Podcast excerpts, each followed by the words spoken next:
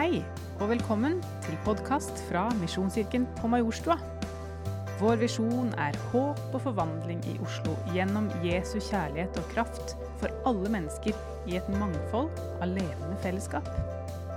Vårt hjerte er å bry oss, gjenopprette, utruste og skape nytt som etterfølgere av Jesus Kristus i Oslo og ut fra Oslo. Hvis du vil vite mer om oss, kan du gå til misjonskirken.no. Ikke nøl med å ta kontakt.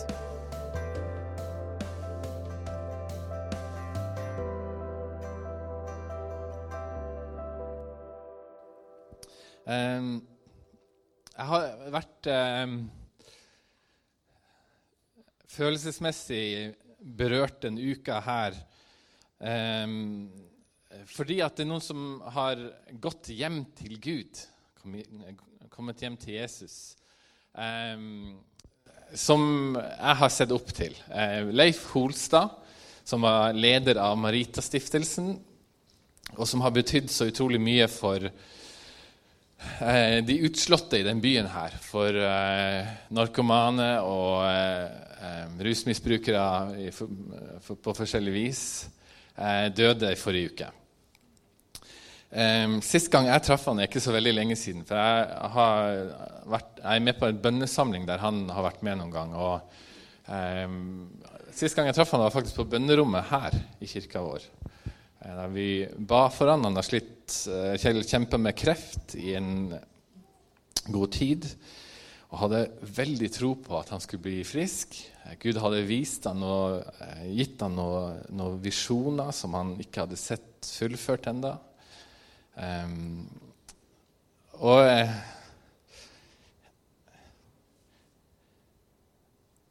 Og jeg tror en, en av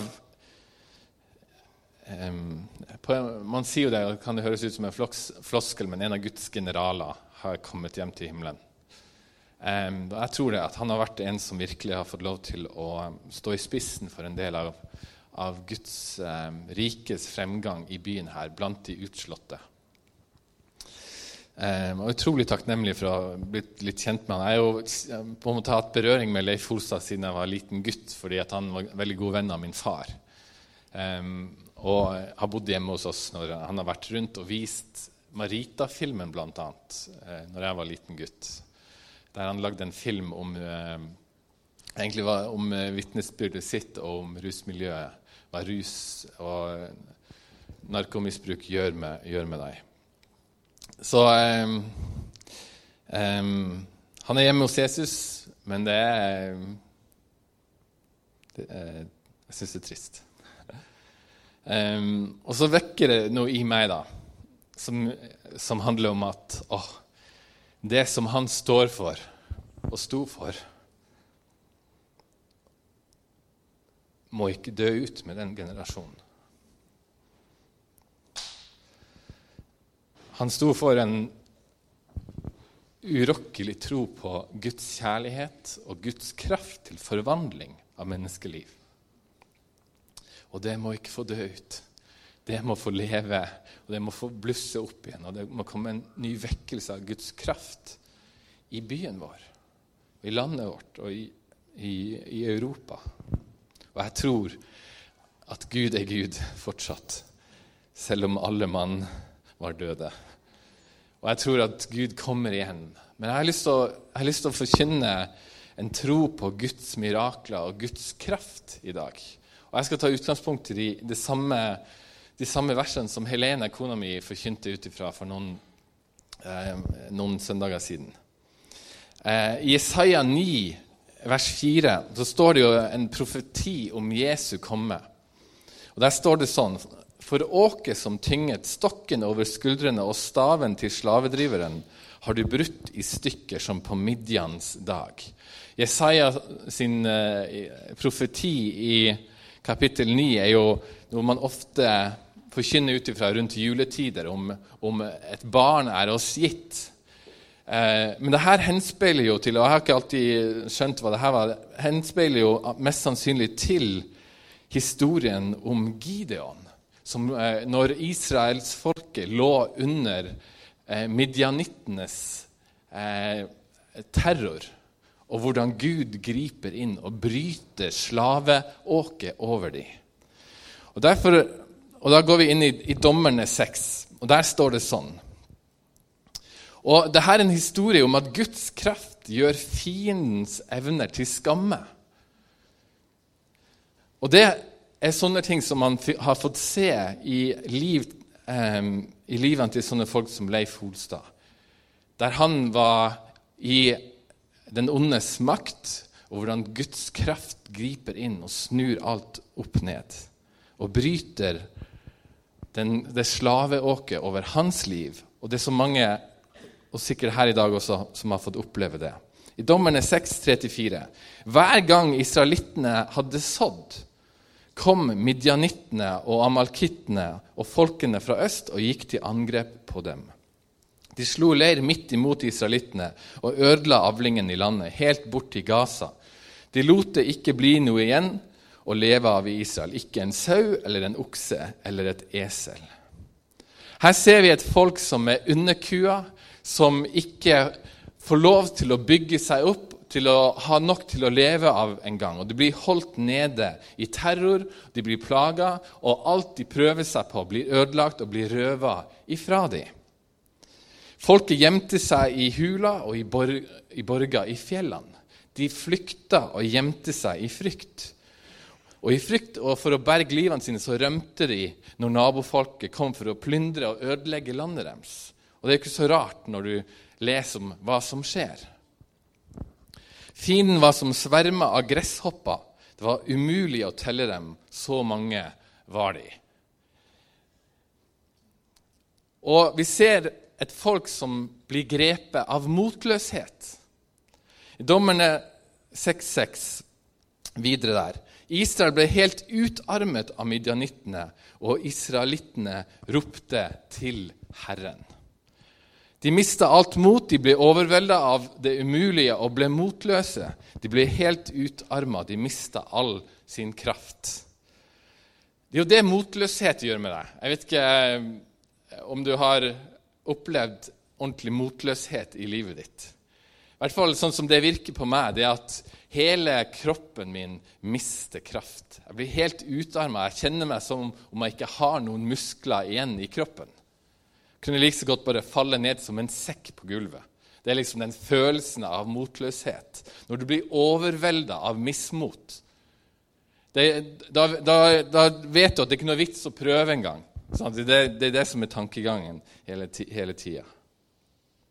Motløshet suger all kraft ut av deg.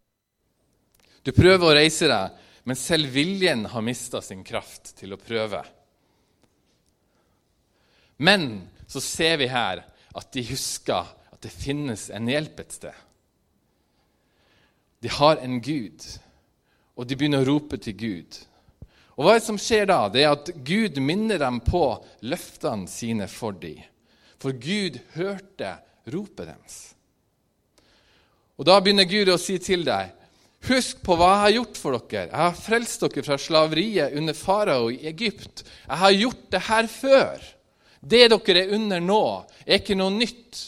Dere har glemt det jeg har gjort, og jeg kommer til å gjøre det igjen, for jeg er en Gud som bryter slaveåket. Jeg er en Gud som kommer for å fri ut i frihet. Jeg har ført dere hit til dette landet som, som dere nå er underkua i. Det er jeg som har ført dere hit. Jeg har gitt dere det landet her. Jeg har gjort det, sier Gud til dem. Og jeg kommer til å se Jeg ser deres situasjon, jeg kommer til å gripe inn. Og Jeg opplever noe av det samme, at det vokser opp en, et slags rop på innsida, som, som, jeg nevnte her. Et, et rop om at Gud, din tid for Europa kan jo ikke være over. Din tid for din kraft og din utfrielse og din vekkelse kan ikke være over for Oslo. Gud, du har gjort det før. Den menigheten her, som vi er en del av, har sine røtter til en mektig vekkelse i den byen her. Gud, ser du ikke at det er du som har reist oss opp? Det er du som har bevart oss. Du må komme igjen med vekkelse. Du må la en ny kilde av levende vann velle frem. Vi bor jo i en ødemark mer og mer, åndelig sett. Og når vi roper til Gud, så kommer Han. For han hører oss, og han taler til oss, og han kommer med sitt ord til oss. Og jeg syns jeg merker det.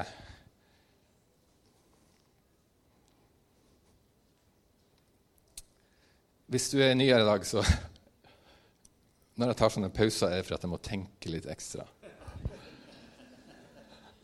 Jeg er litt lettrørt noen gang. Så. Jeg syns jeg merker det i bønnefellesskapene våre, i husfellesskapene våre, at det er noe Det er et rop som veller frem. Gud, du har talt før. Gud, du har lovt. Gud, hvor er du? Vi opplever ødemark, vi opplever utfordringer, vi opplever at vi blir holdt tilbake. Vi opplever at når vi prøver å bygge ting opp, så rives det bare bort. Gud, hvor er du hen? Gud, du er vår Gud. Videre for eh, israelittene står det sånn Da israelittene ropte til Gud på grunn av midjanittene, sendte Herren en profet til dem. Gud er en Gud som hører. Han sa, så sier Herren, Israels Gud, det var jeg som førte dere opp fra Egypt og hentet dere ut av slavehuset. Jeg berget dere ut av hendene på egypterne og fra alle som undertrykte dere. Jeg drev dem bort fra dere og ga dere landet deres. Jeg sa til dere, jeg er Herren deres Gud. Dere skal ikke frykte gudene til amorittene, som eide landet dere bor i. Men dere ville ikke høre på meg. Og igjen og igjen så opplever jeg det, at Gud kommer til oss også igjen og sier at 'Jeg har ikke frelst dere for igjen å være under slaveri'. 'Jeg har ikke frelst dere igjen for å frykte andre guder'. 'Jeg har ikke frelst dere for at dere igjen skal leve i armod, i fattighet i livet, fattigdom i livet'. Jeg har frelst dere for å reise dere opp til å være et folk som lever i Guds kraft, i min kraft. Jeg har frelst dere, hvorfor skal ikke jeg også beskytte dere mot det som prøver å gjøre dere til slaver igjen i livet? Men det er frykt som har ført dere under fiendens makt. Dere har glemt hvem jeg er. Dere slutter å høre på hvem jeg er. Husker dere ikke hvem jeg er? Mine handlinger viser dere hvem jeg er. Gud minner de på, og minner oss på hvem han er. Jeg er en utfrier. Gud er en utfrier som kommer for å fri oss ut. Og Sånn er det med alle andre guder. De bruker frykt til å få oss under deres makt. Frykt for at Gud ikke ser oss lenger. Så vi må karre til oss på, med egen makt. Gud at Gud ikke ser hvilke situasjoner jeg er. Jeg vet ikke om du har tenkt det noen gang. Gud, ser du ikke hvordan jeg har det? På jobben, i ekteskapet, i meg selv med mine personlige utfordringer. Gud, hvor er du hen? Og Jeg skal ikke touche inn på koronafrykten og hva det gjør med liksom enhvers forsøk Jeg skal touche litt inn på det, det jeg gjør. Jeg kan ikke lyve. Med en gang det kommer en sånn frykt over samfunnet vårt, så ser vi at folk prøver å bruke frykten for, for som sin egen agenda. Og til og med innenfor de som skal forkynne evangeliet.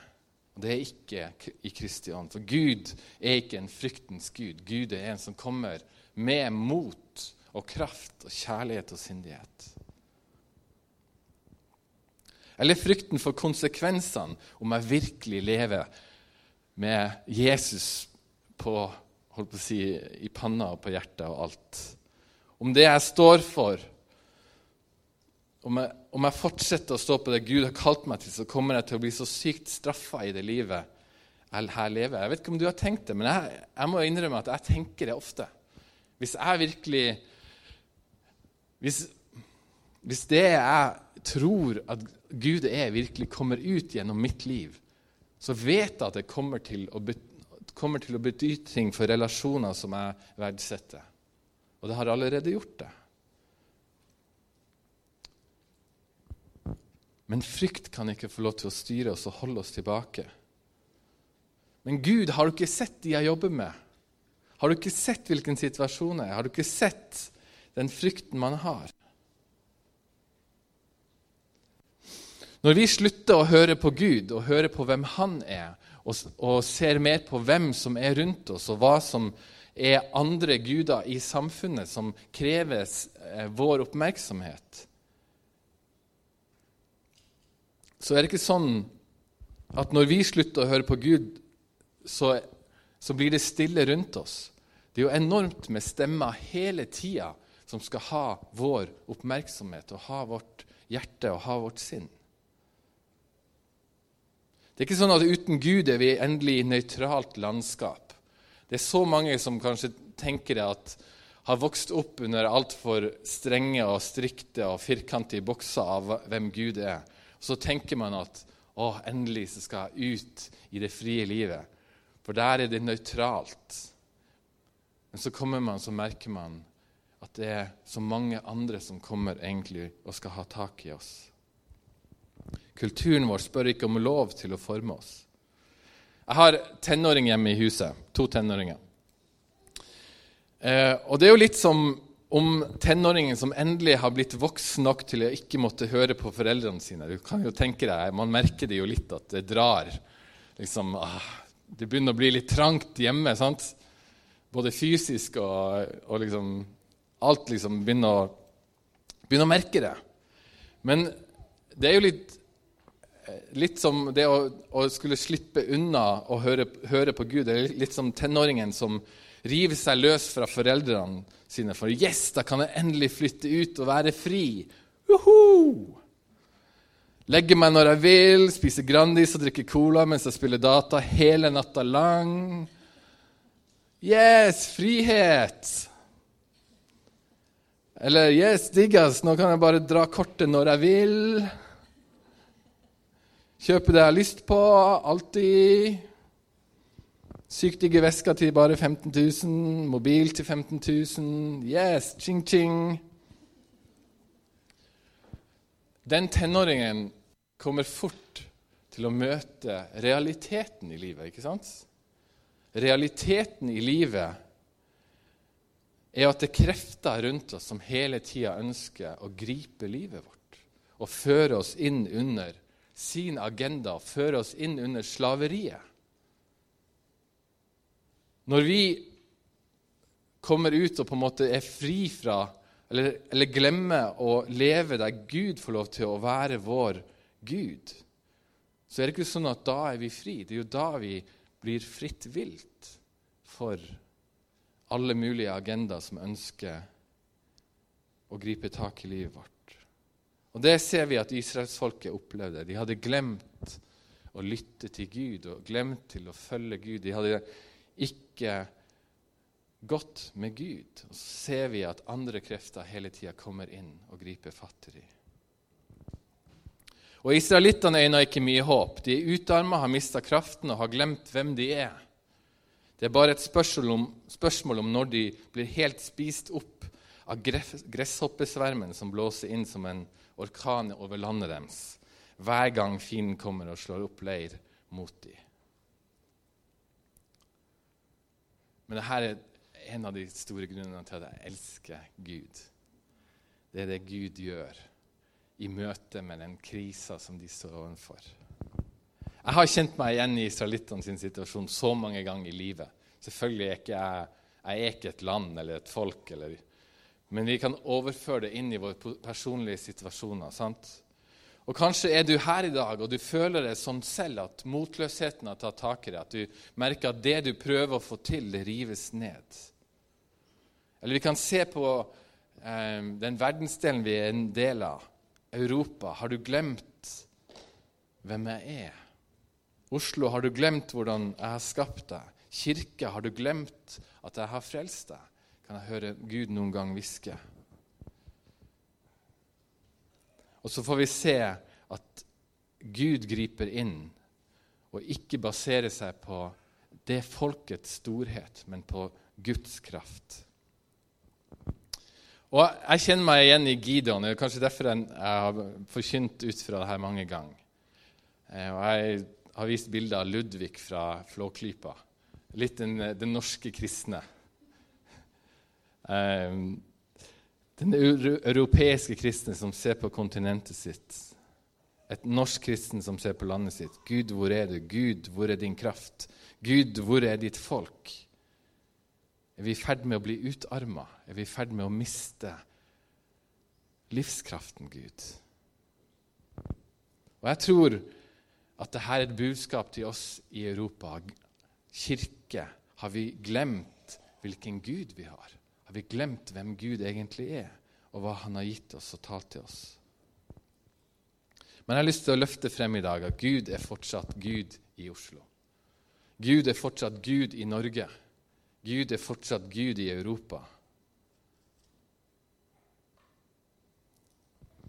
En annen av mine helter, som tilhører den generasjonen som, som Leif Holstad eh, Det vet dere, det er min far. Han er rundt 70 år, par og 70 år, og har levd store deler av livet sitt med å reise rundt eh, og forkynne evangeliet. Og jeg ble spurt av noen for en stund siden som, eh, som spurte meg er det, er det utfordrende å skal være pastor når du har en far som er evangelist og liksom profilert, i hvert fall i den, visse, i den kristne bobla. Profilert. Eh, så tenkte jeg at nei, egentlig Selvfølgelig har jeg masse utfordringer med, med alle våre foreldre. ikke? Uh, um, men så tenkte jeg over det. tenkte Jeg jeg er så utrolig privilegert.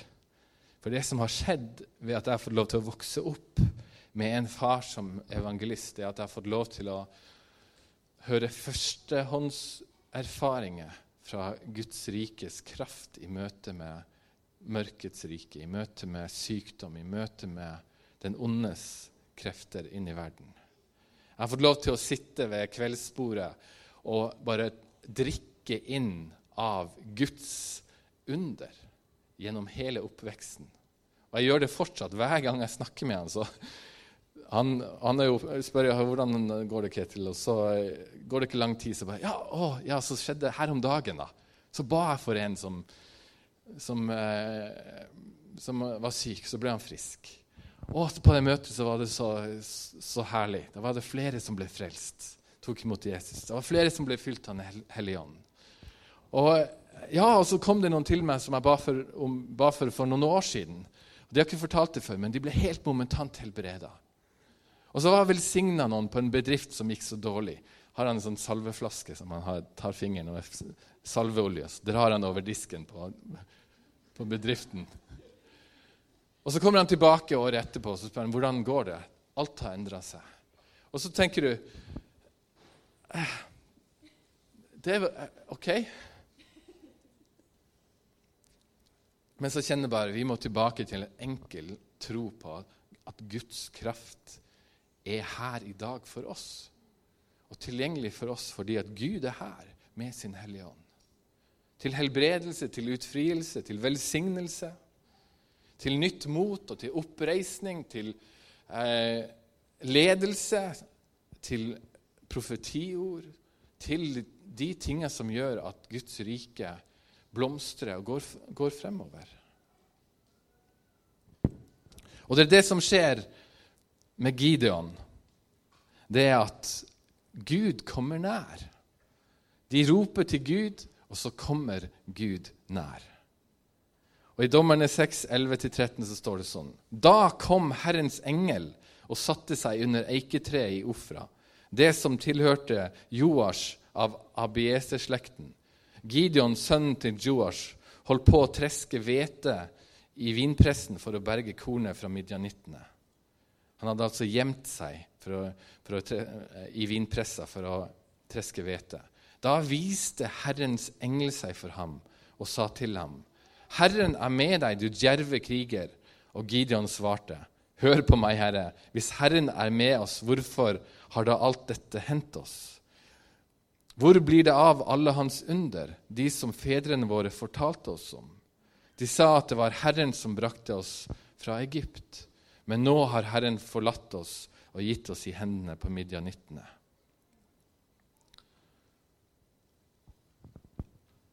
Folket roper til Gud, og hva skjer? Gud møter opp. Når folket roper til Gud, så kommer han. Når vi ber til Gud, så kommer han. Med sitt manifesterte nærvær, ikke bare i sitt allestedsnærværende vesen. Ja, Gud er en Gud som er allestedsnærværende, men Gud er også en Gud som kommer og er nær og møter og besøker oss akkurat i den situasjonen som du og jeg er i. Det er jo det som er Den hellige ånds mysterium, og det som er realiteten. At Gud kommer til oss. La oss rope til Gud for byen vår, for landet vårt, for kontinentet vårt.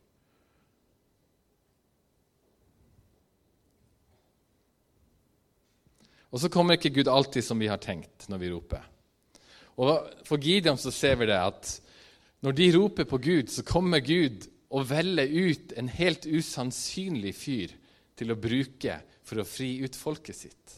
Han velger en av de som ikke er noe. Og igjen så har jeg lyst til å vitne om at Gud valgte Leif Holstad, som ikke var noe. Han var lengst nede, og han reiste han opp og brukte han i i sin tjeneste til mektige ting. Han har reist opp min far, som var en enkel fisker fra Helgeland, som reiste på båten da han var 14 år. Et svært, har et svært fødselsmerke i ansiktet som han var superflau av og ble mobba for. Og så han, kom Gud og kalte han, 'Du skal stå foran mennesker og lede folk til, til meg'. Og så sier min far, men det går ikke. Fisken kan se meg, men mennesker skal ikke trenge å se meg. Men så kommer Gud og kaller den som ingenting er. I vers 14-16.: Herren vendte seg til ham og sa:" Gå og bruk den styrken du har, til å berge Israel ut av hendene på midjanittene. Det er jeg som sender deg. Gideon sa til ham, Hør, Herre, hvordan kan jeg berge Israel? Min slekt er den svakeste i Manasseh, og jeg er den yngste i min fars hus. Da sa Herren til ham, Jeg vil være med deg, og du skal slå midjanittene, alle som én. Gud velger seg ikke ut den som er størst i seg selv, men han kommer og bruker det vi har, og det vi er gitt. Og så reiser han oss opp og sender oss.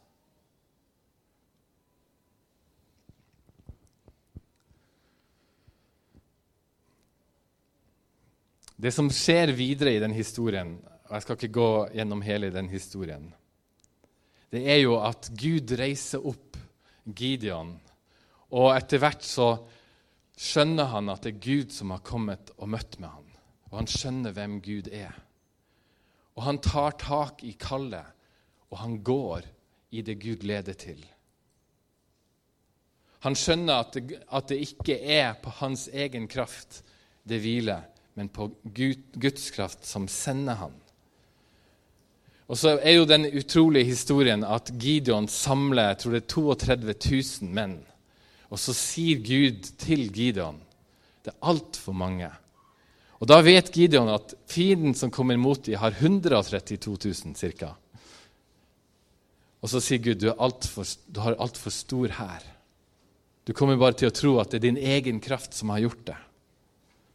Og så ber han han kutte ut og sende folk hjem. Til slutt så står han igjen med 300 stykk mot 130 000.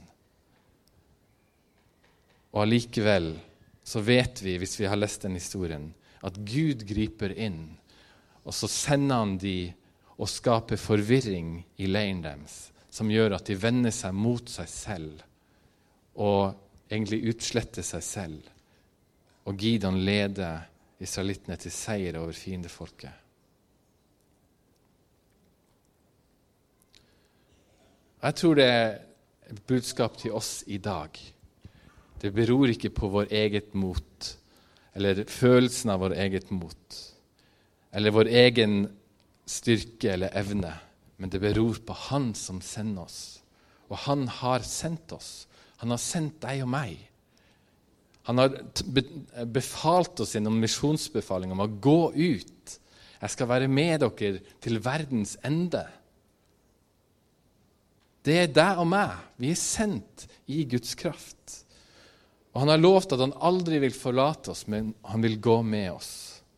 Og I Apostlenes 1,8 så står det sånn Men dere skal få kraft når Den hellige ånd kommer over dere, og dere skal være mine vitner i Jerusalem og hele Judea, i Samaria og helt til jordens ende.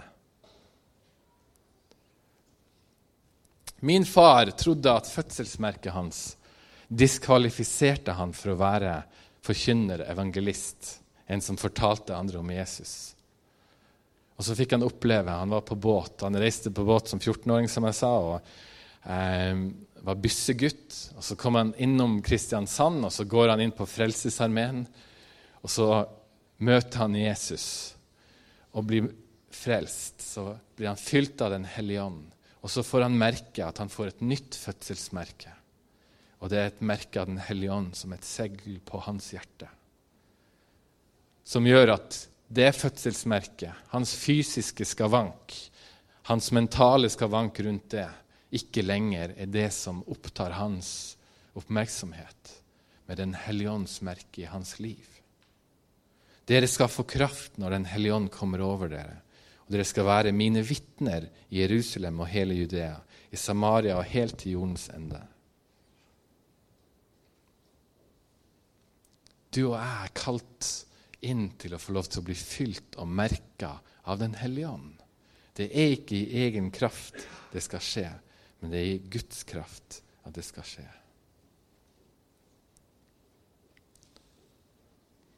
Og I det her så tror jeg at det ligger et kall til innvielse for oss som sitter rundt, kongens bord.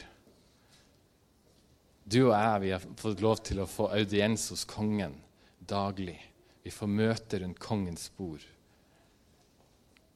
Og jeg tror at det ligger et, et kall til oss til ny innvielse, til å rope til Gud, til å søke Hans kraft. For at den, det som min foreldregenerasjon har vært bærer av, i hvert fall min far og Leif Holstad, mange sånne, ikke skal dø ut, men det skal føres videre til vår generasjon og neste, til mine barn og til dems barn.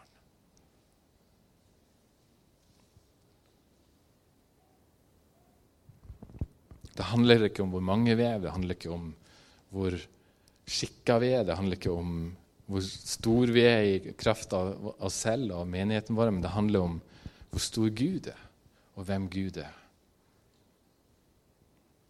Og at vi roper til Han i vår nød for hjelp. Jeg skal avslutte nå. Um, Jeg tror det har reist seg et, et bilde i samfunnet vårt om at, at på en måte eh, kirka, sin kirka, sin situasjon bare eh, går nedover, og det er helt umulig å endre på det.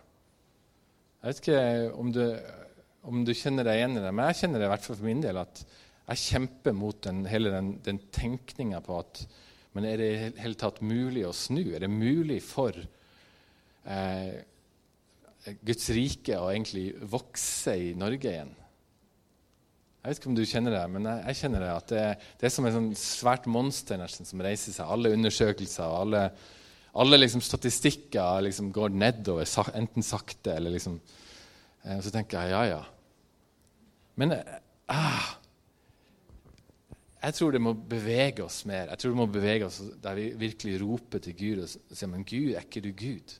Er ikke du Gud fortsatt? Er ikke du konge fortsatt i Norge? Er ikke du konge fortsatt i Europa? Gud, du må komme. Det er du som har kalt oss. Det er du som er vår styrke. For jeg, jeg tror at eh, si, fienden vil snu seg mot seg selv. vi, Det er ikke fienden som vi trenger å være så opptatt av alltid. Holdt på å si fienden, men sekularismen eller alle de tingene som skjer rundt oss.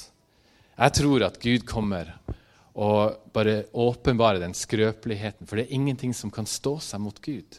Det er ingenting som kan stå seg mot Guds rike. Og alt som reiser seg mot Guds rike, kommer før eller siden til å falle. Når Jesus kaller oss til å bygge livet på fjell, så mener han jo det at, at hvis vi bygger livet vårt på ham, så kan ingenting ryste oss. Det, livet kan ikke tas fra oss, men bygger vi det på sand, så vil det falle av seg selv pga. livets stormer og livets press. Og Sånn er det med alle ideologier, alle riker vi bygger, som fundamenteres på noe annet enn Gud og sannheten i Gud og Guds kraft. Det kommer før eller siden til å falle. Sekularismen kommer til å falle. Det er bare å se på verden. Liksom. Kan sekularismen stå seg mot Kina? Liksom? Og da er jo spørsmålet hvem er det vi frykter? Frykter vi gudene til Kina? Frykter vi gudene til den sekulære tenkninga? Frykter vi gudene til eh, noen andre ideologier eller andre riker? Eller frykter vi Gud? Og i det så ligger det å virkelig vite hvem Gud er. Å bygge livet vårt og bygge tenkninga vår, bygge alt vi er, på hvem Gud er.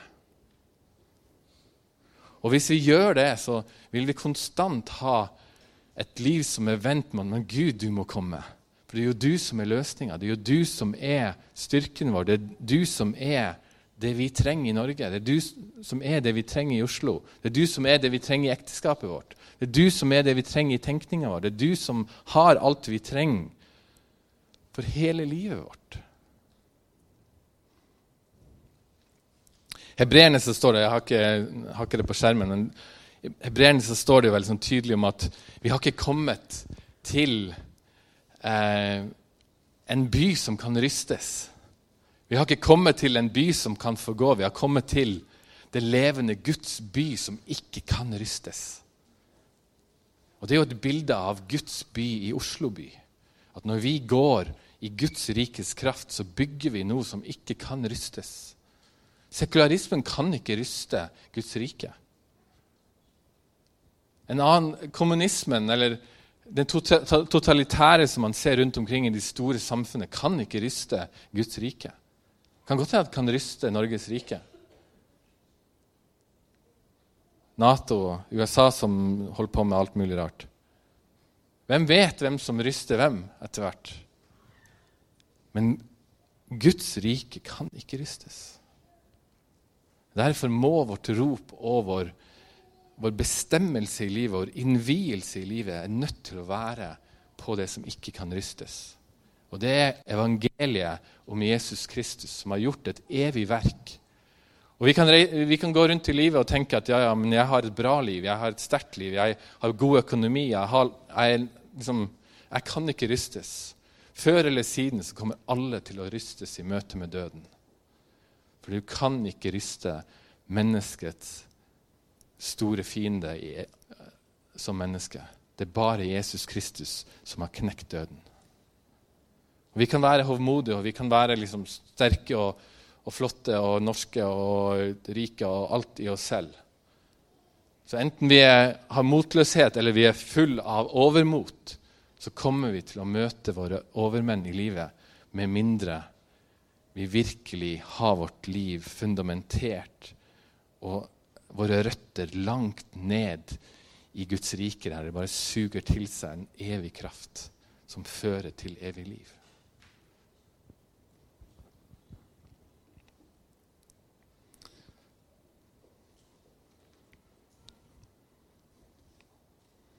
Jeg er så utrolig takknemlig for folk som Leif Holstad, som, som aldri ga opp, som ikke gir opp, og som, er, og som var hel ved.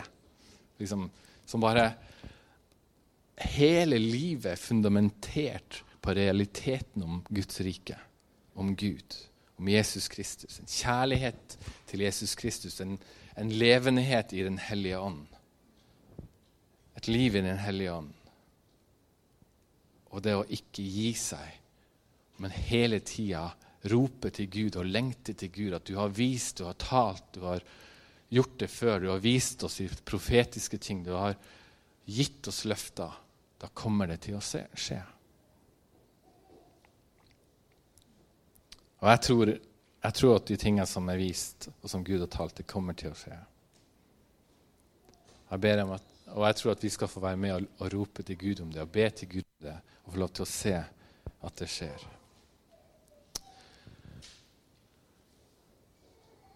Derfor så er dette egentlig et kall til å gå i hans kraft. Han er verdens skaper og verdens frelser, og vi er sendt med et godt budskap om at alle er velkommen hjem igjen. Og da må vi reise oss i hans kraft, innvie oss for han igjen og la ham lede oss til å gjenopprette, utruste og skape nytt i hans hellige åndskraft i Europa i 2020. 2023, 2024 og i tida som kommer. Amen.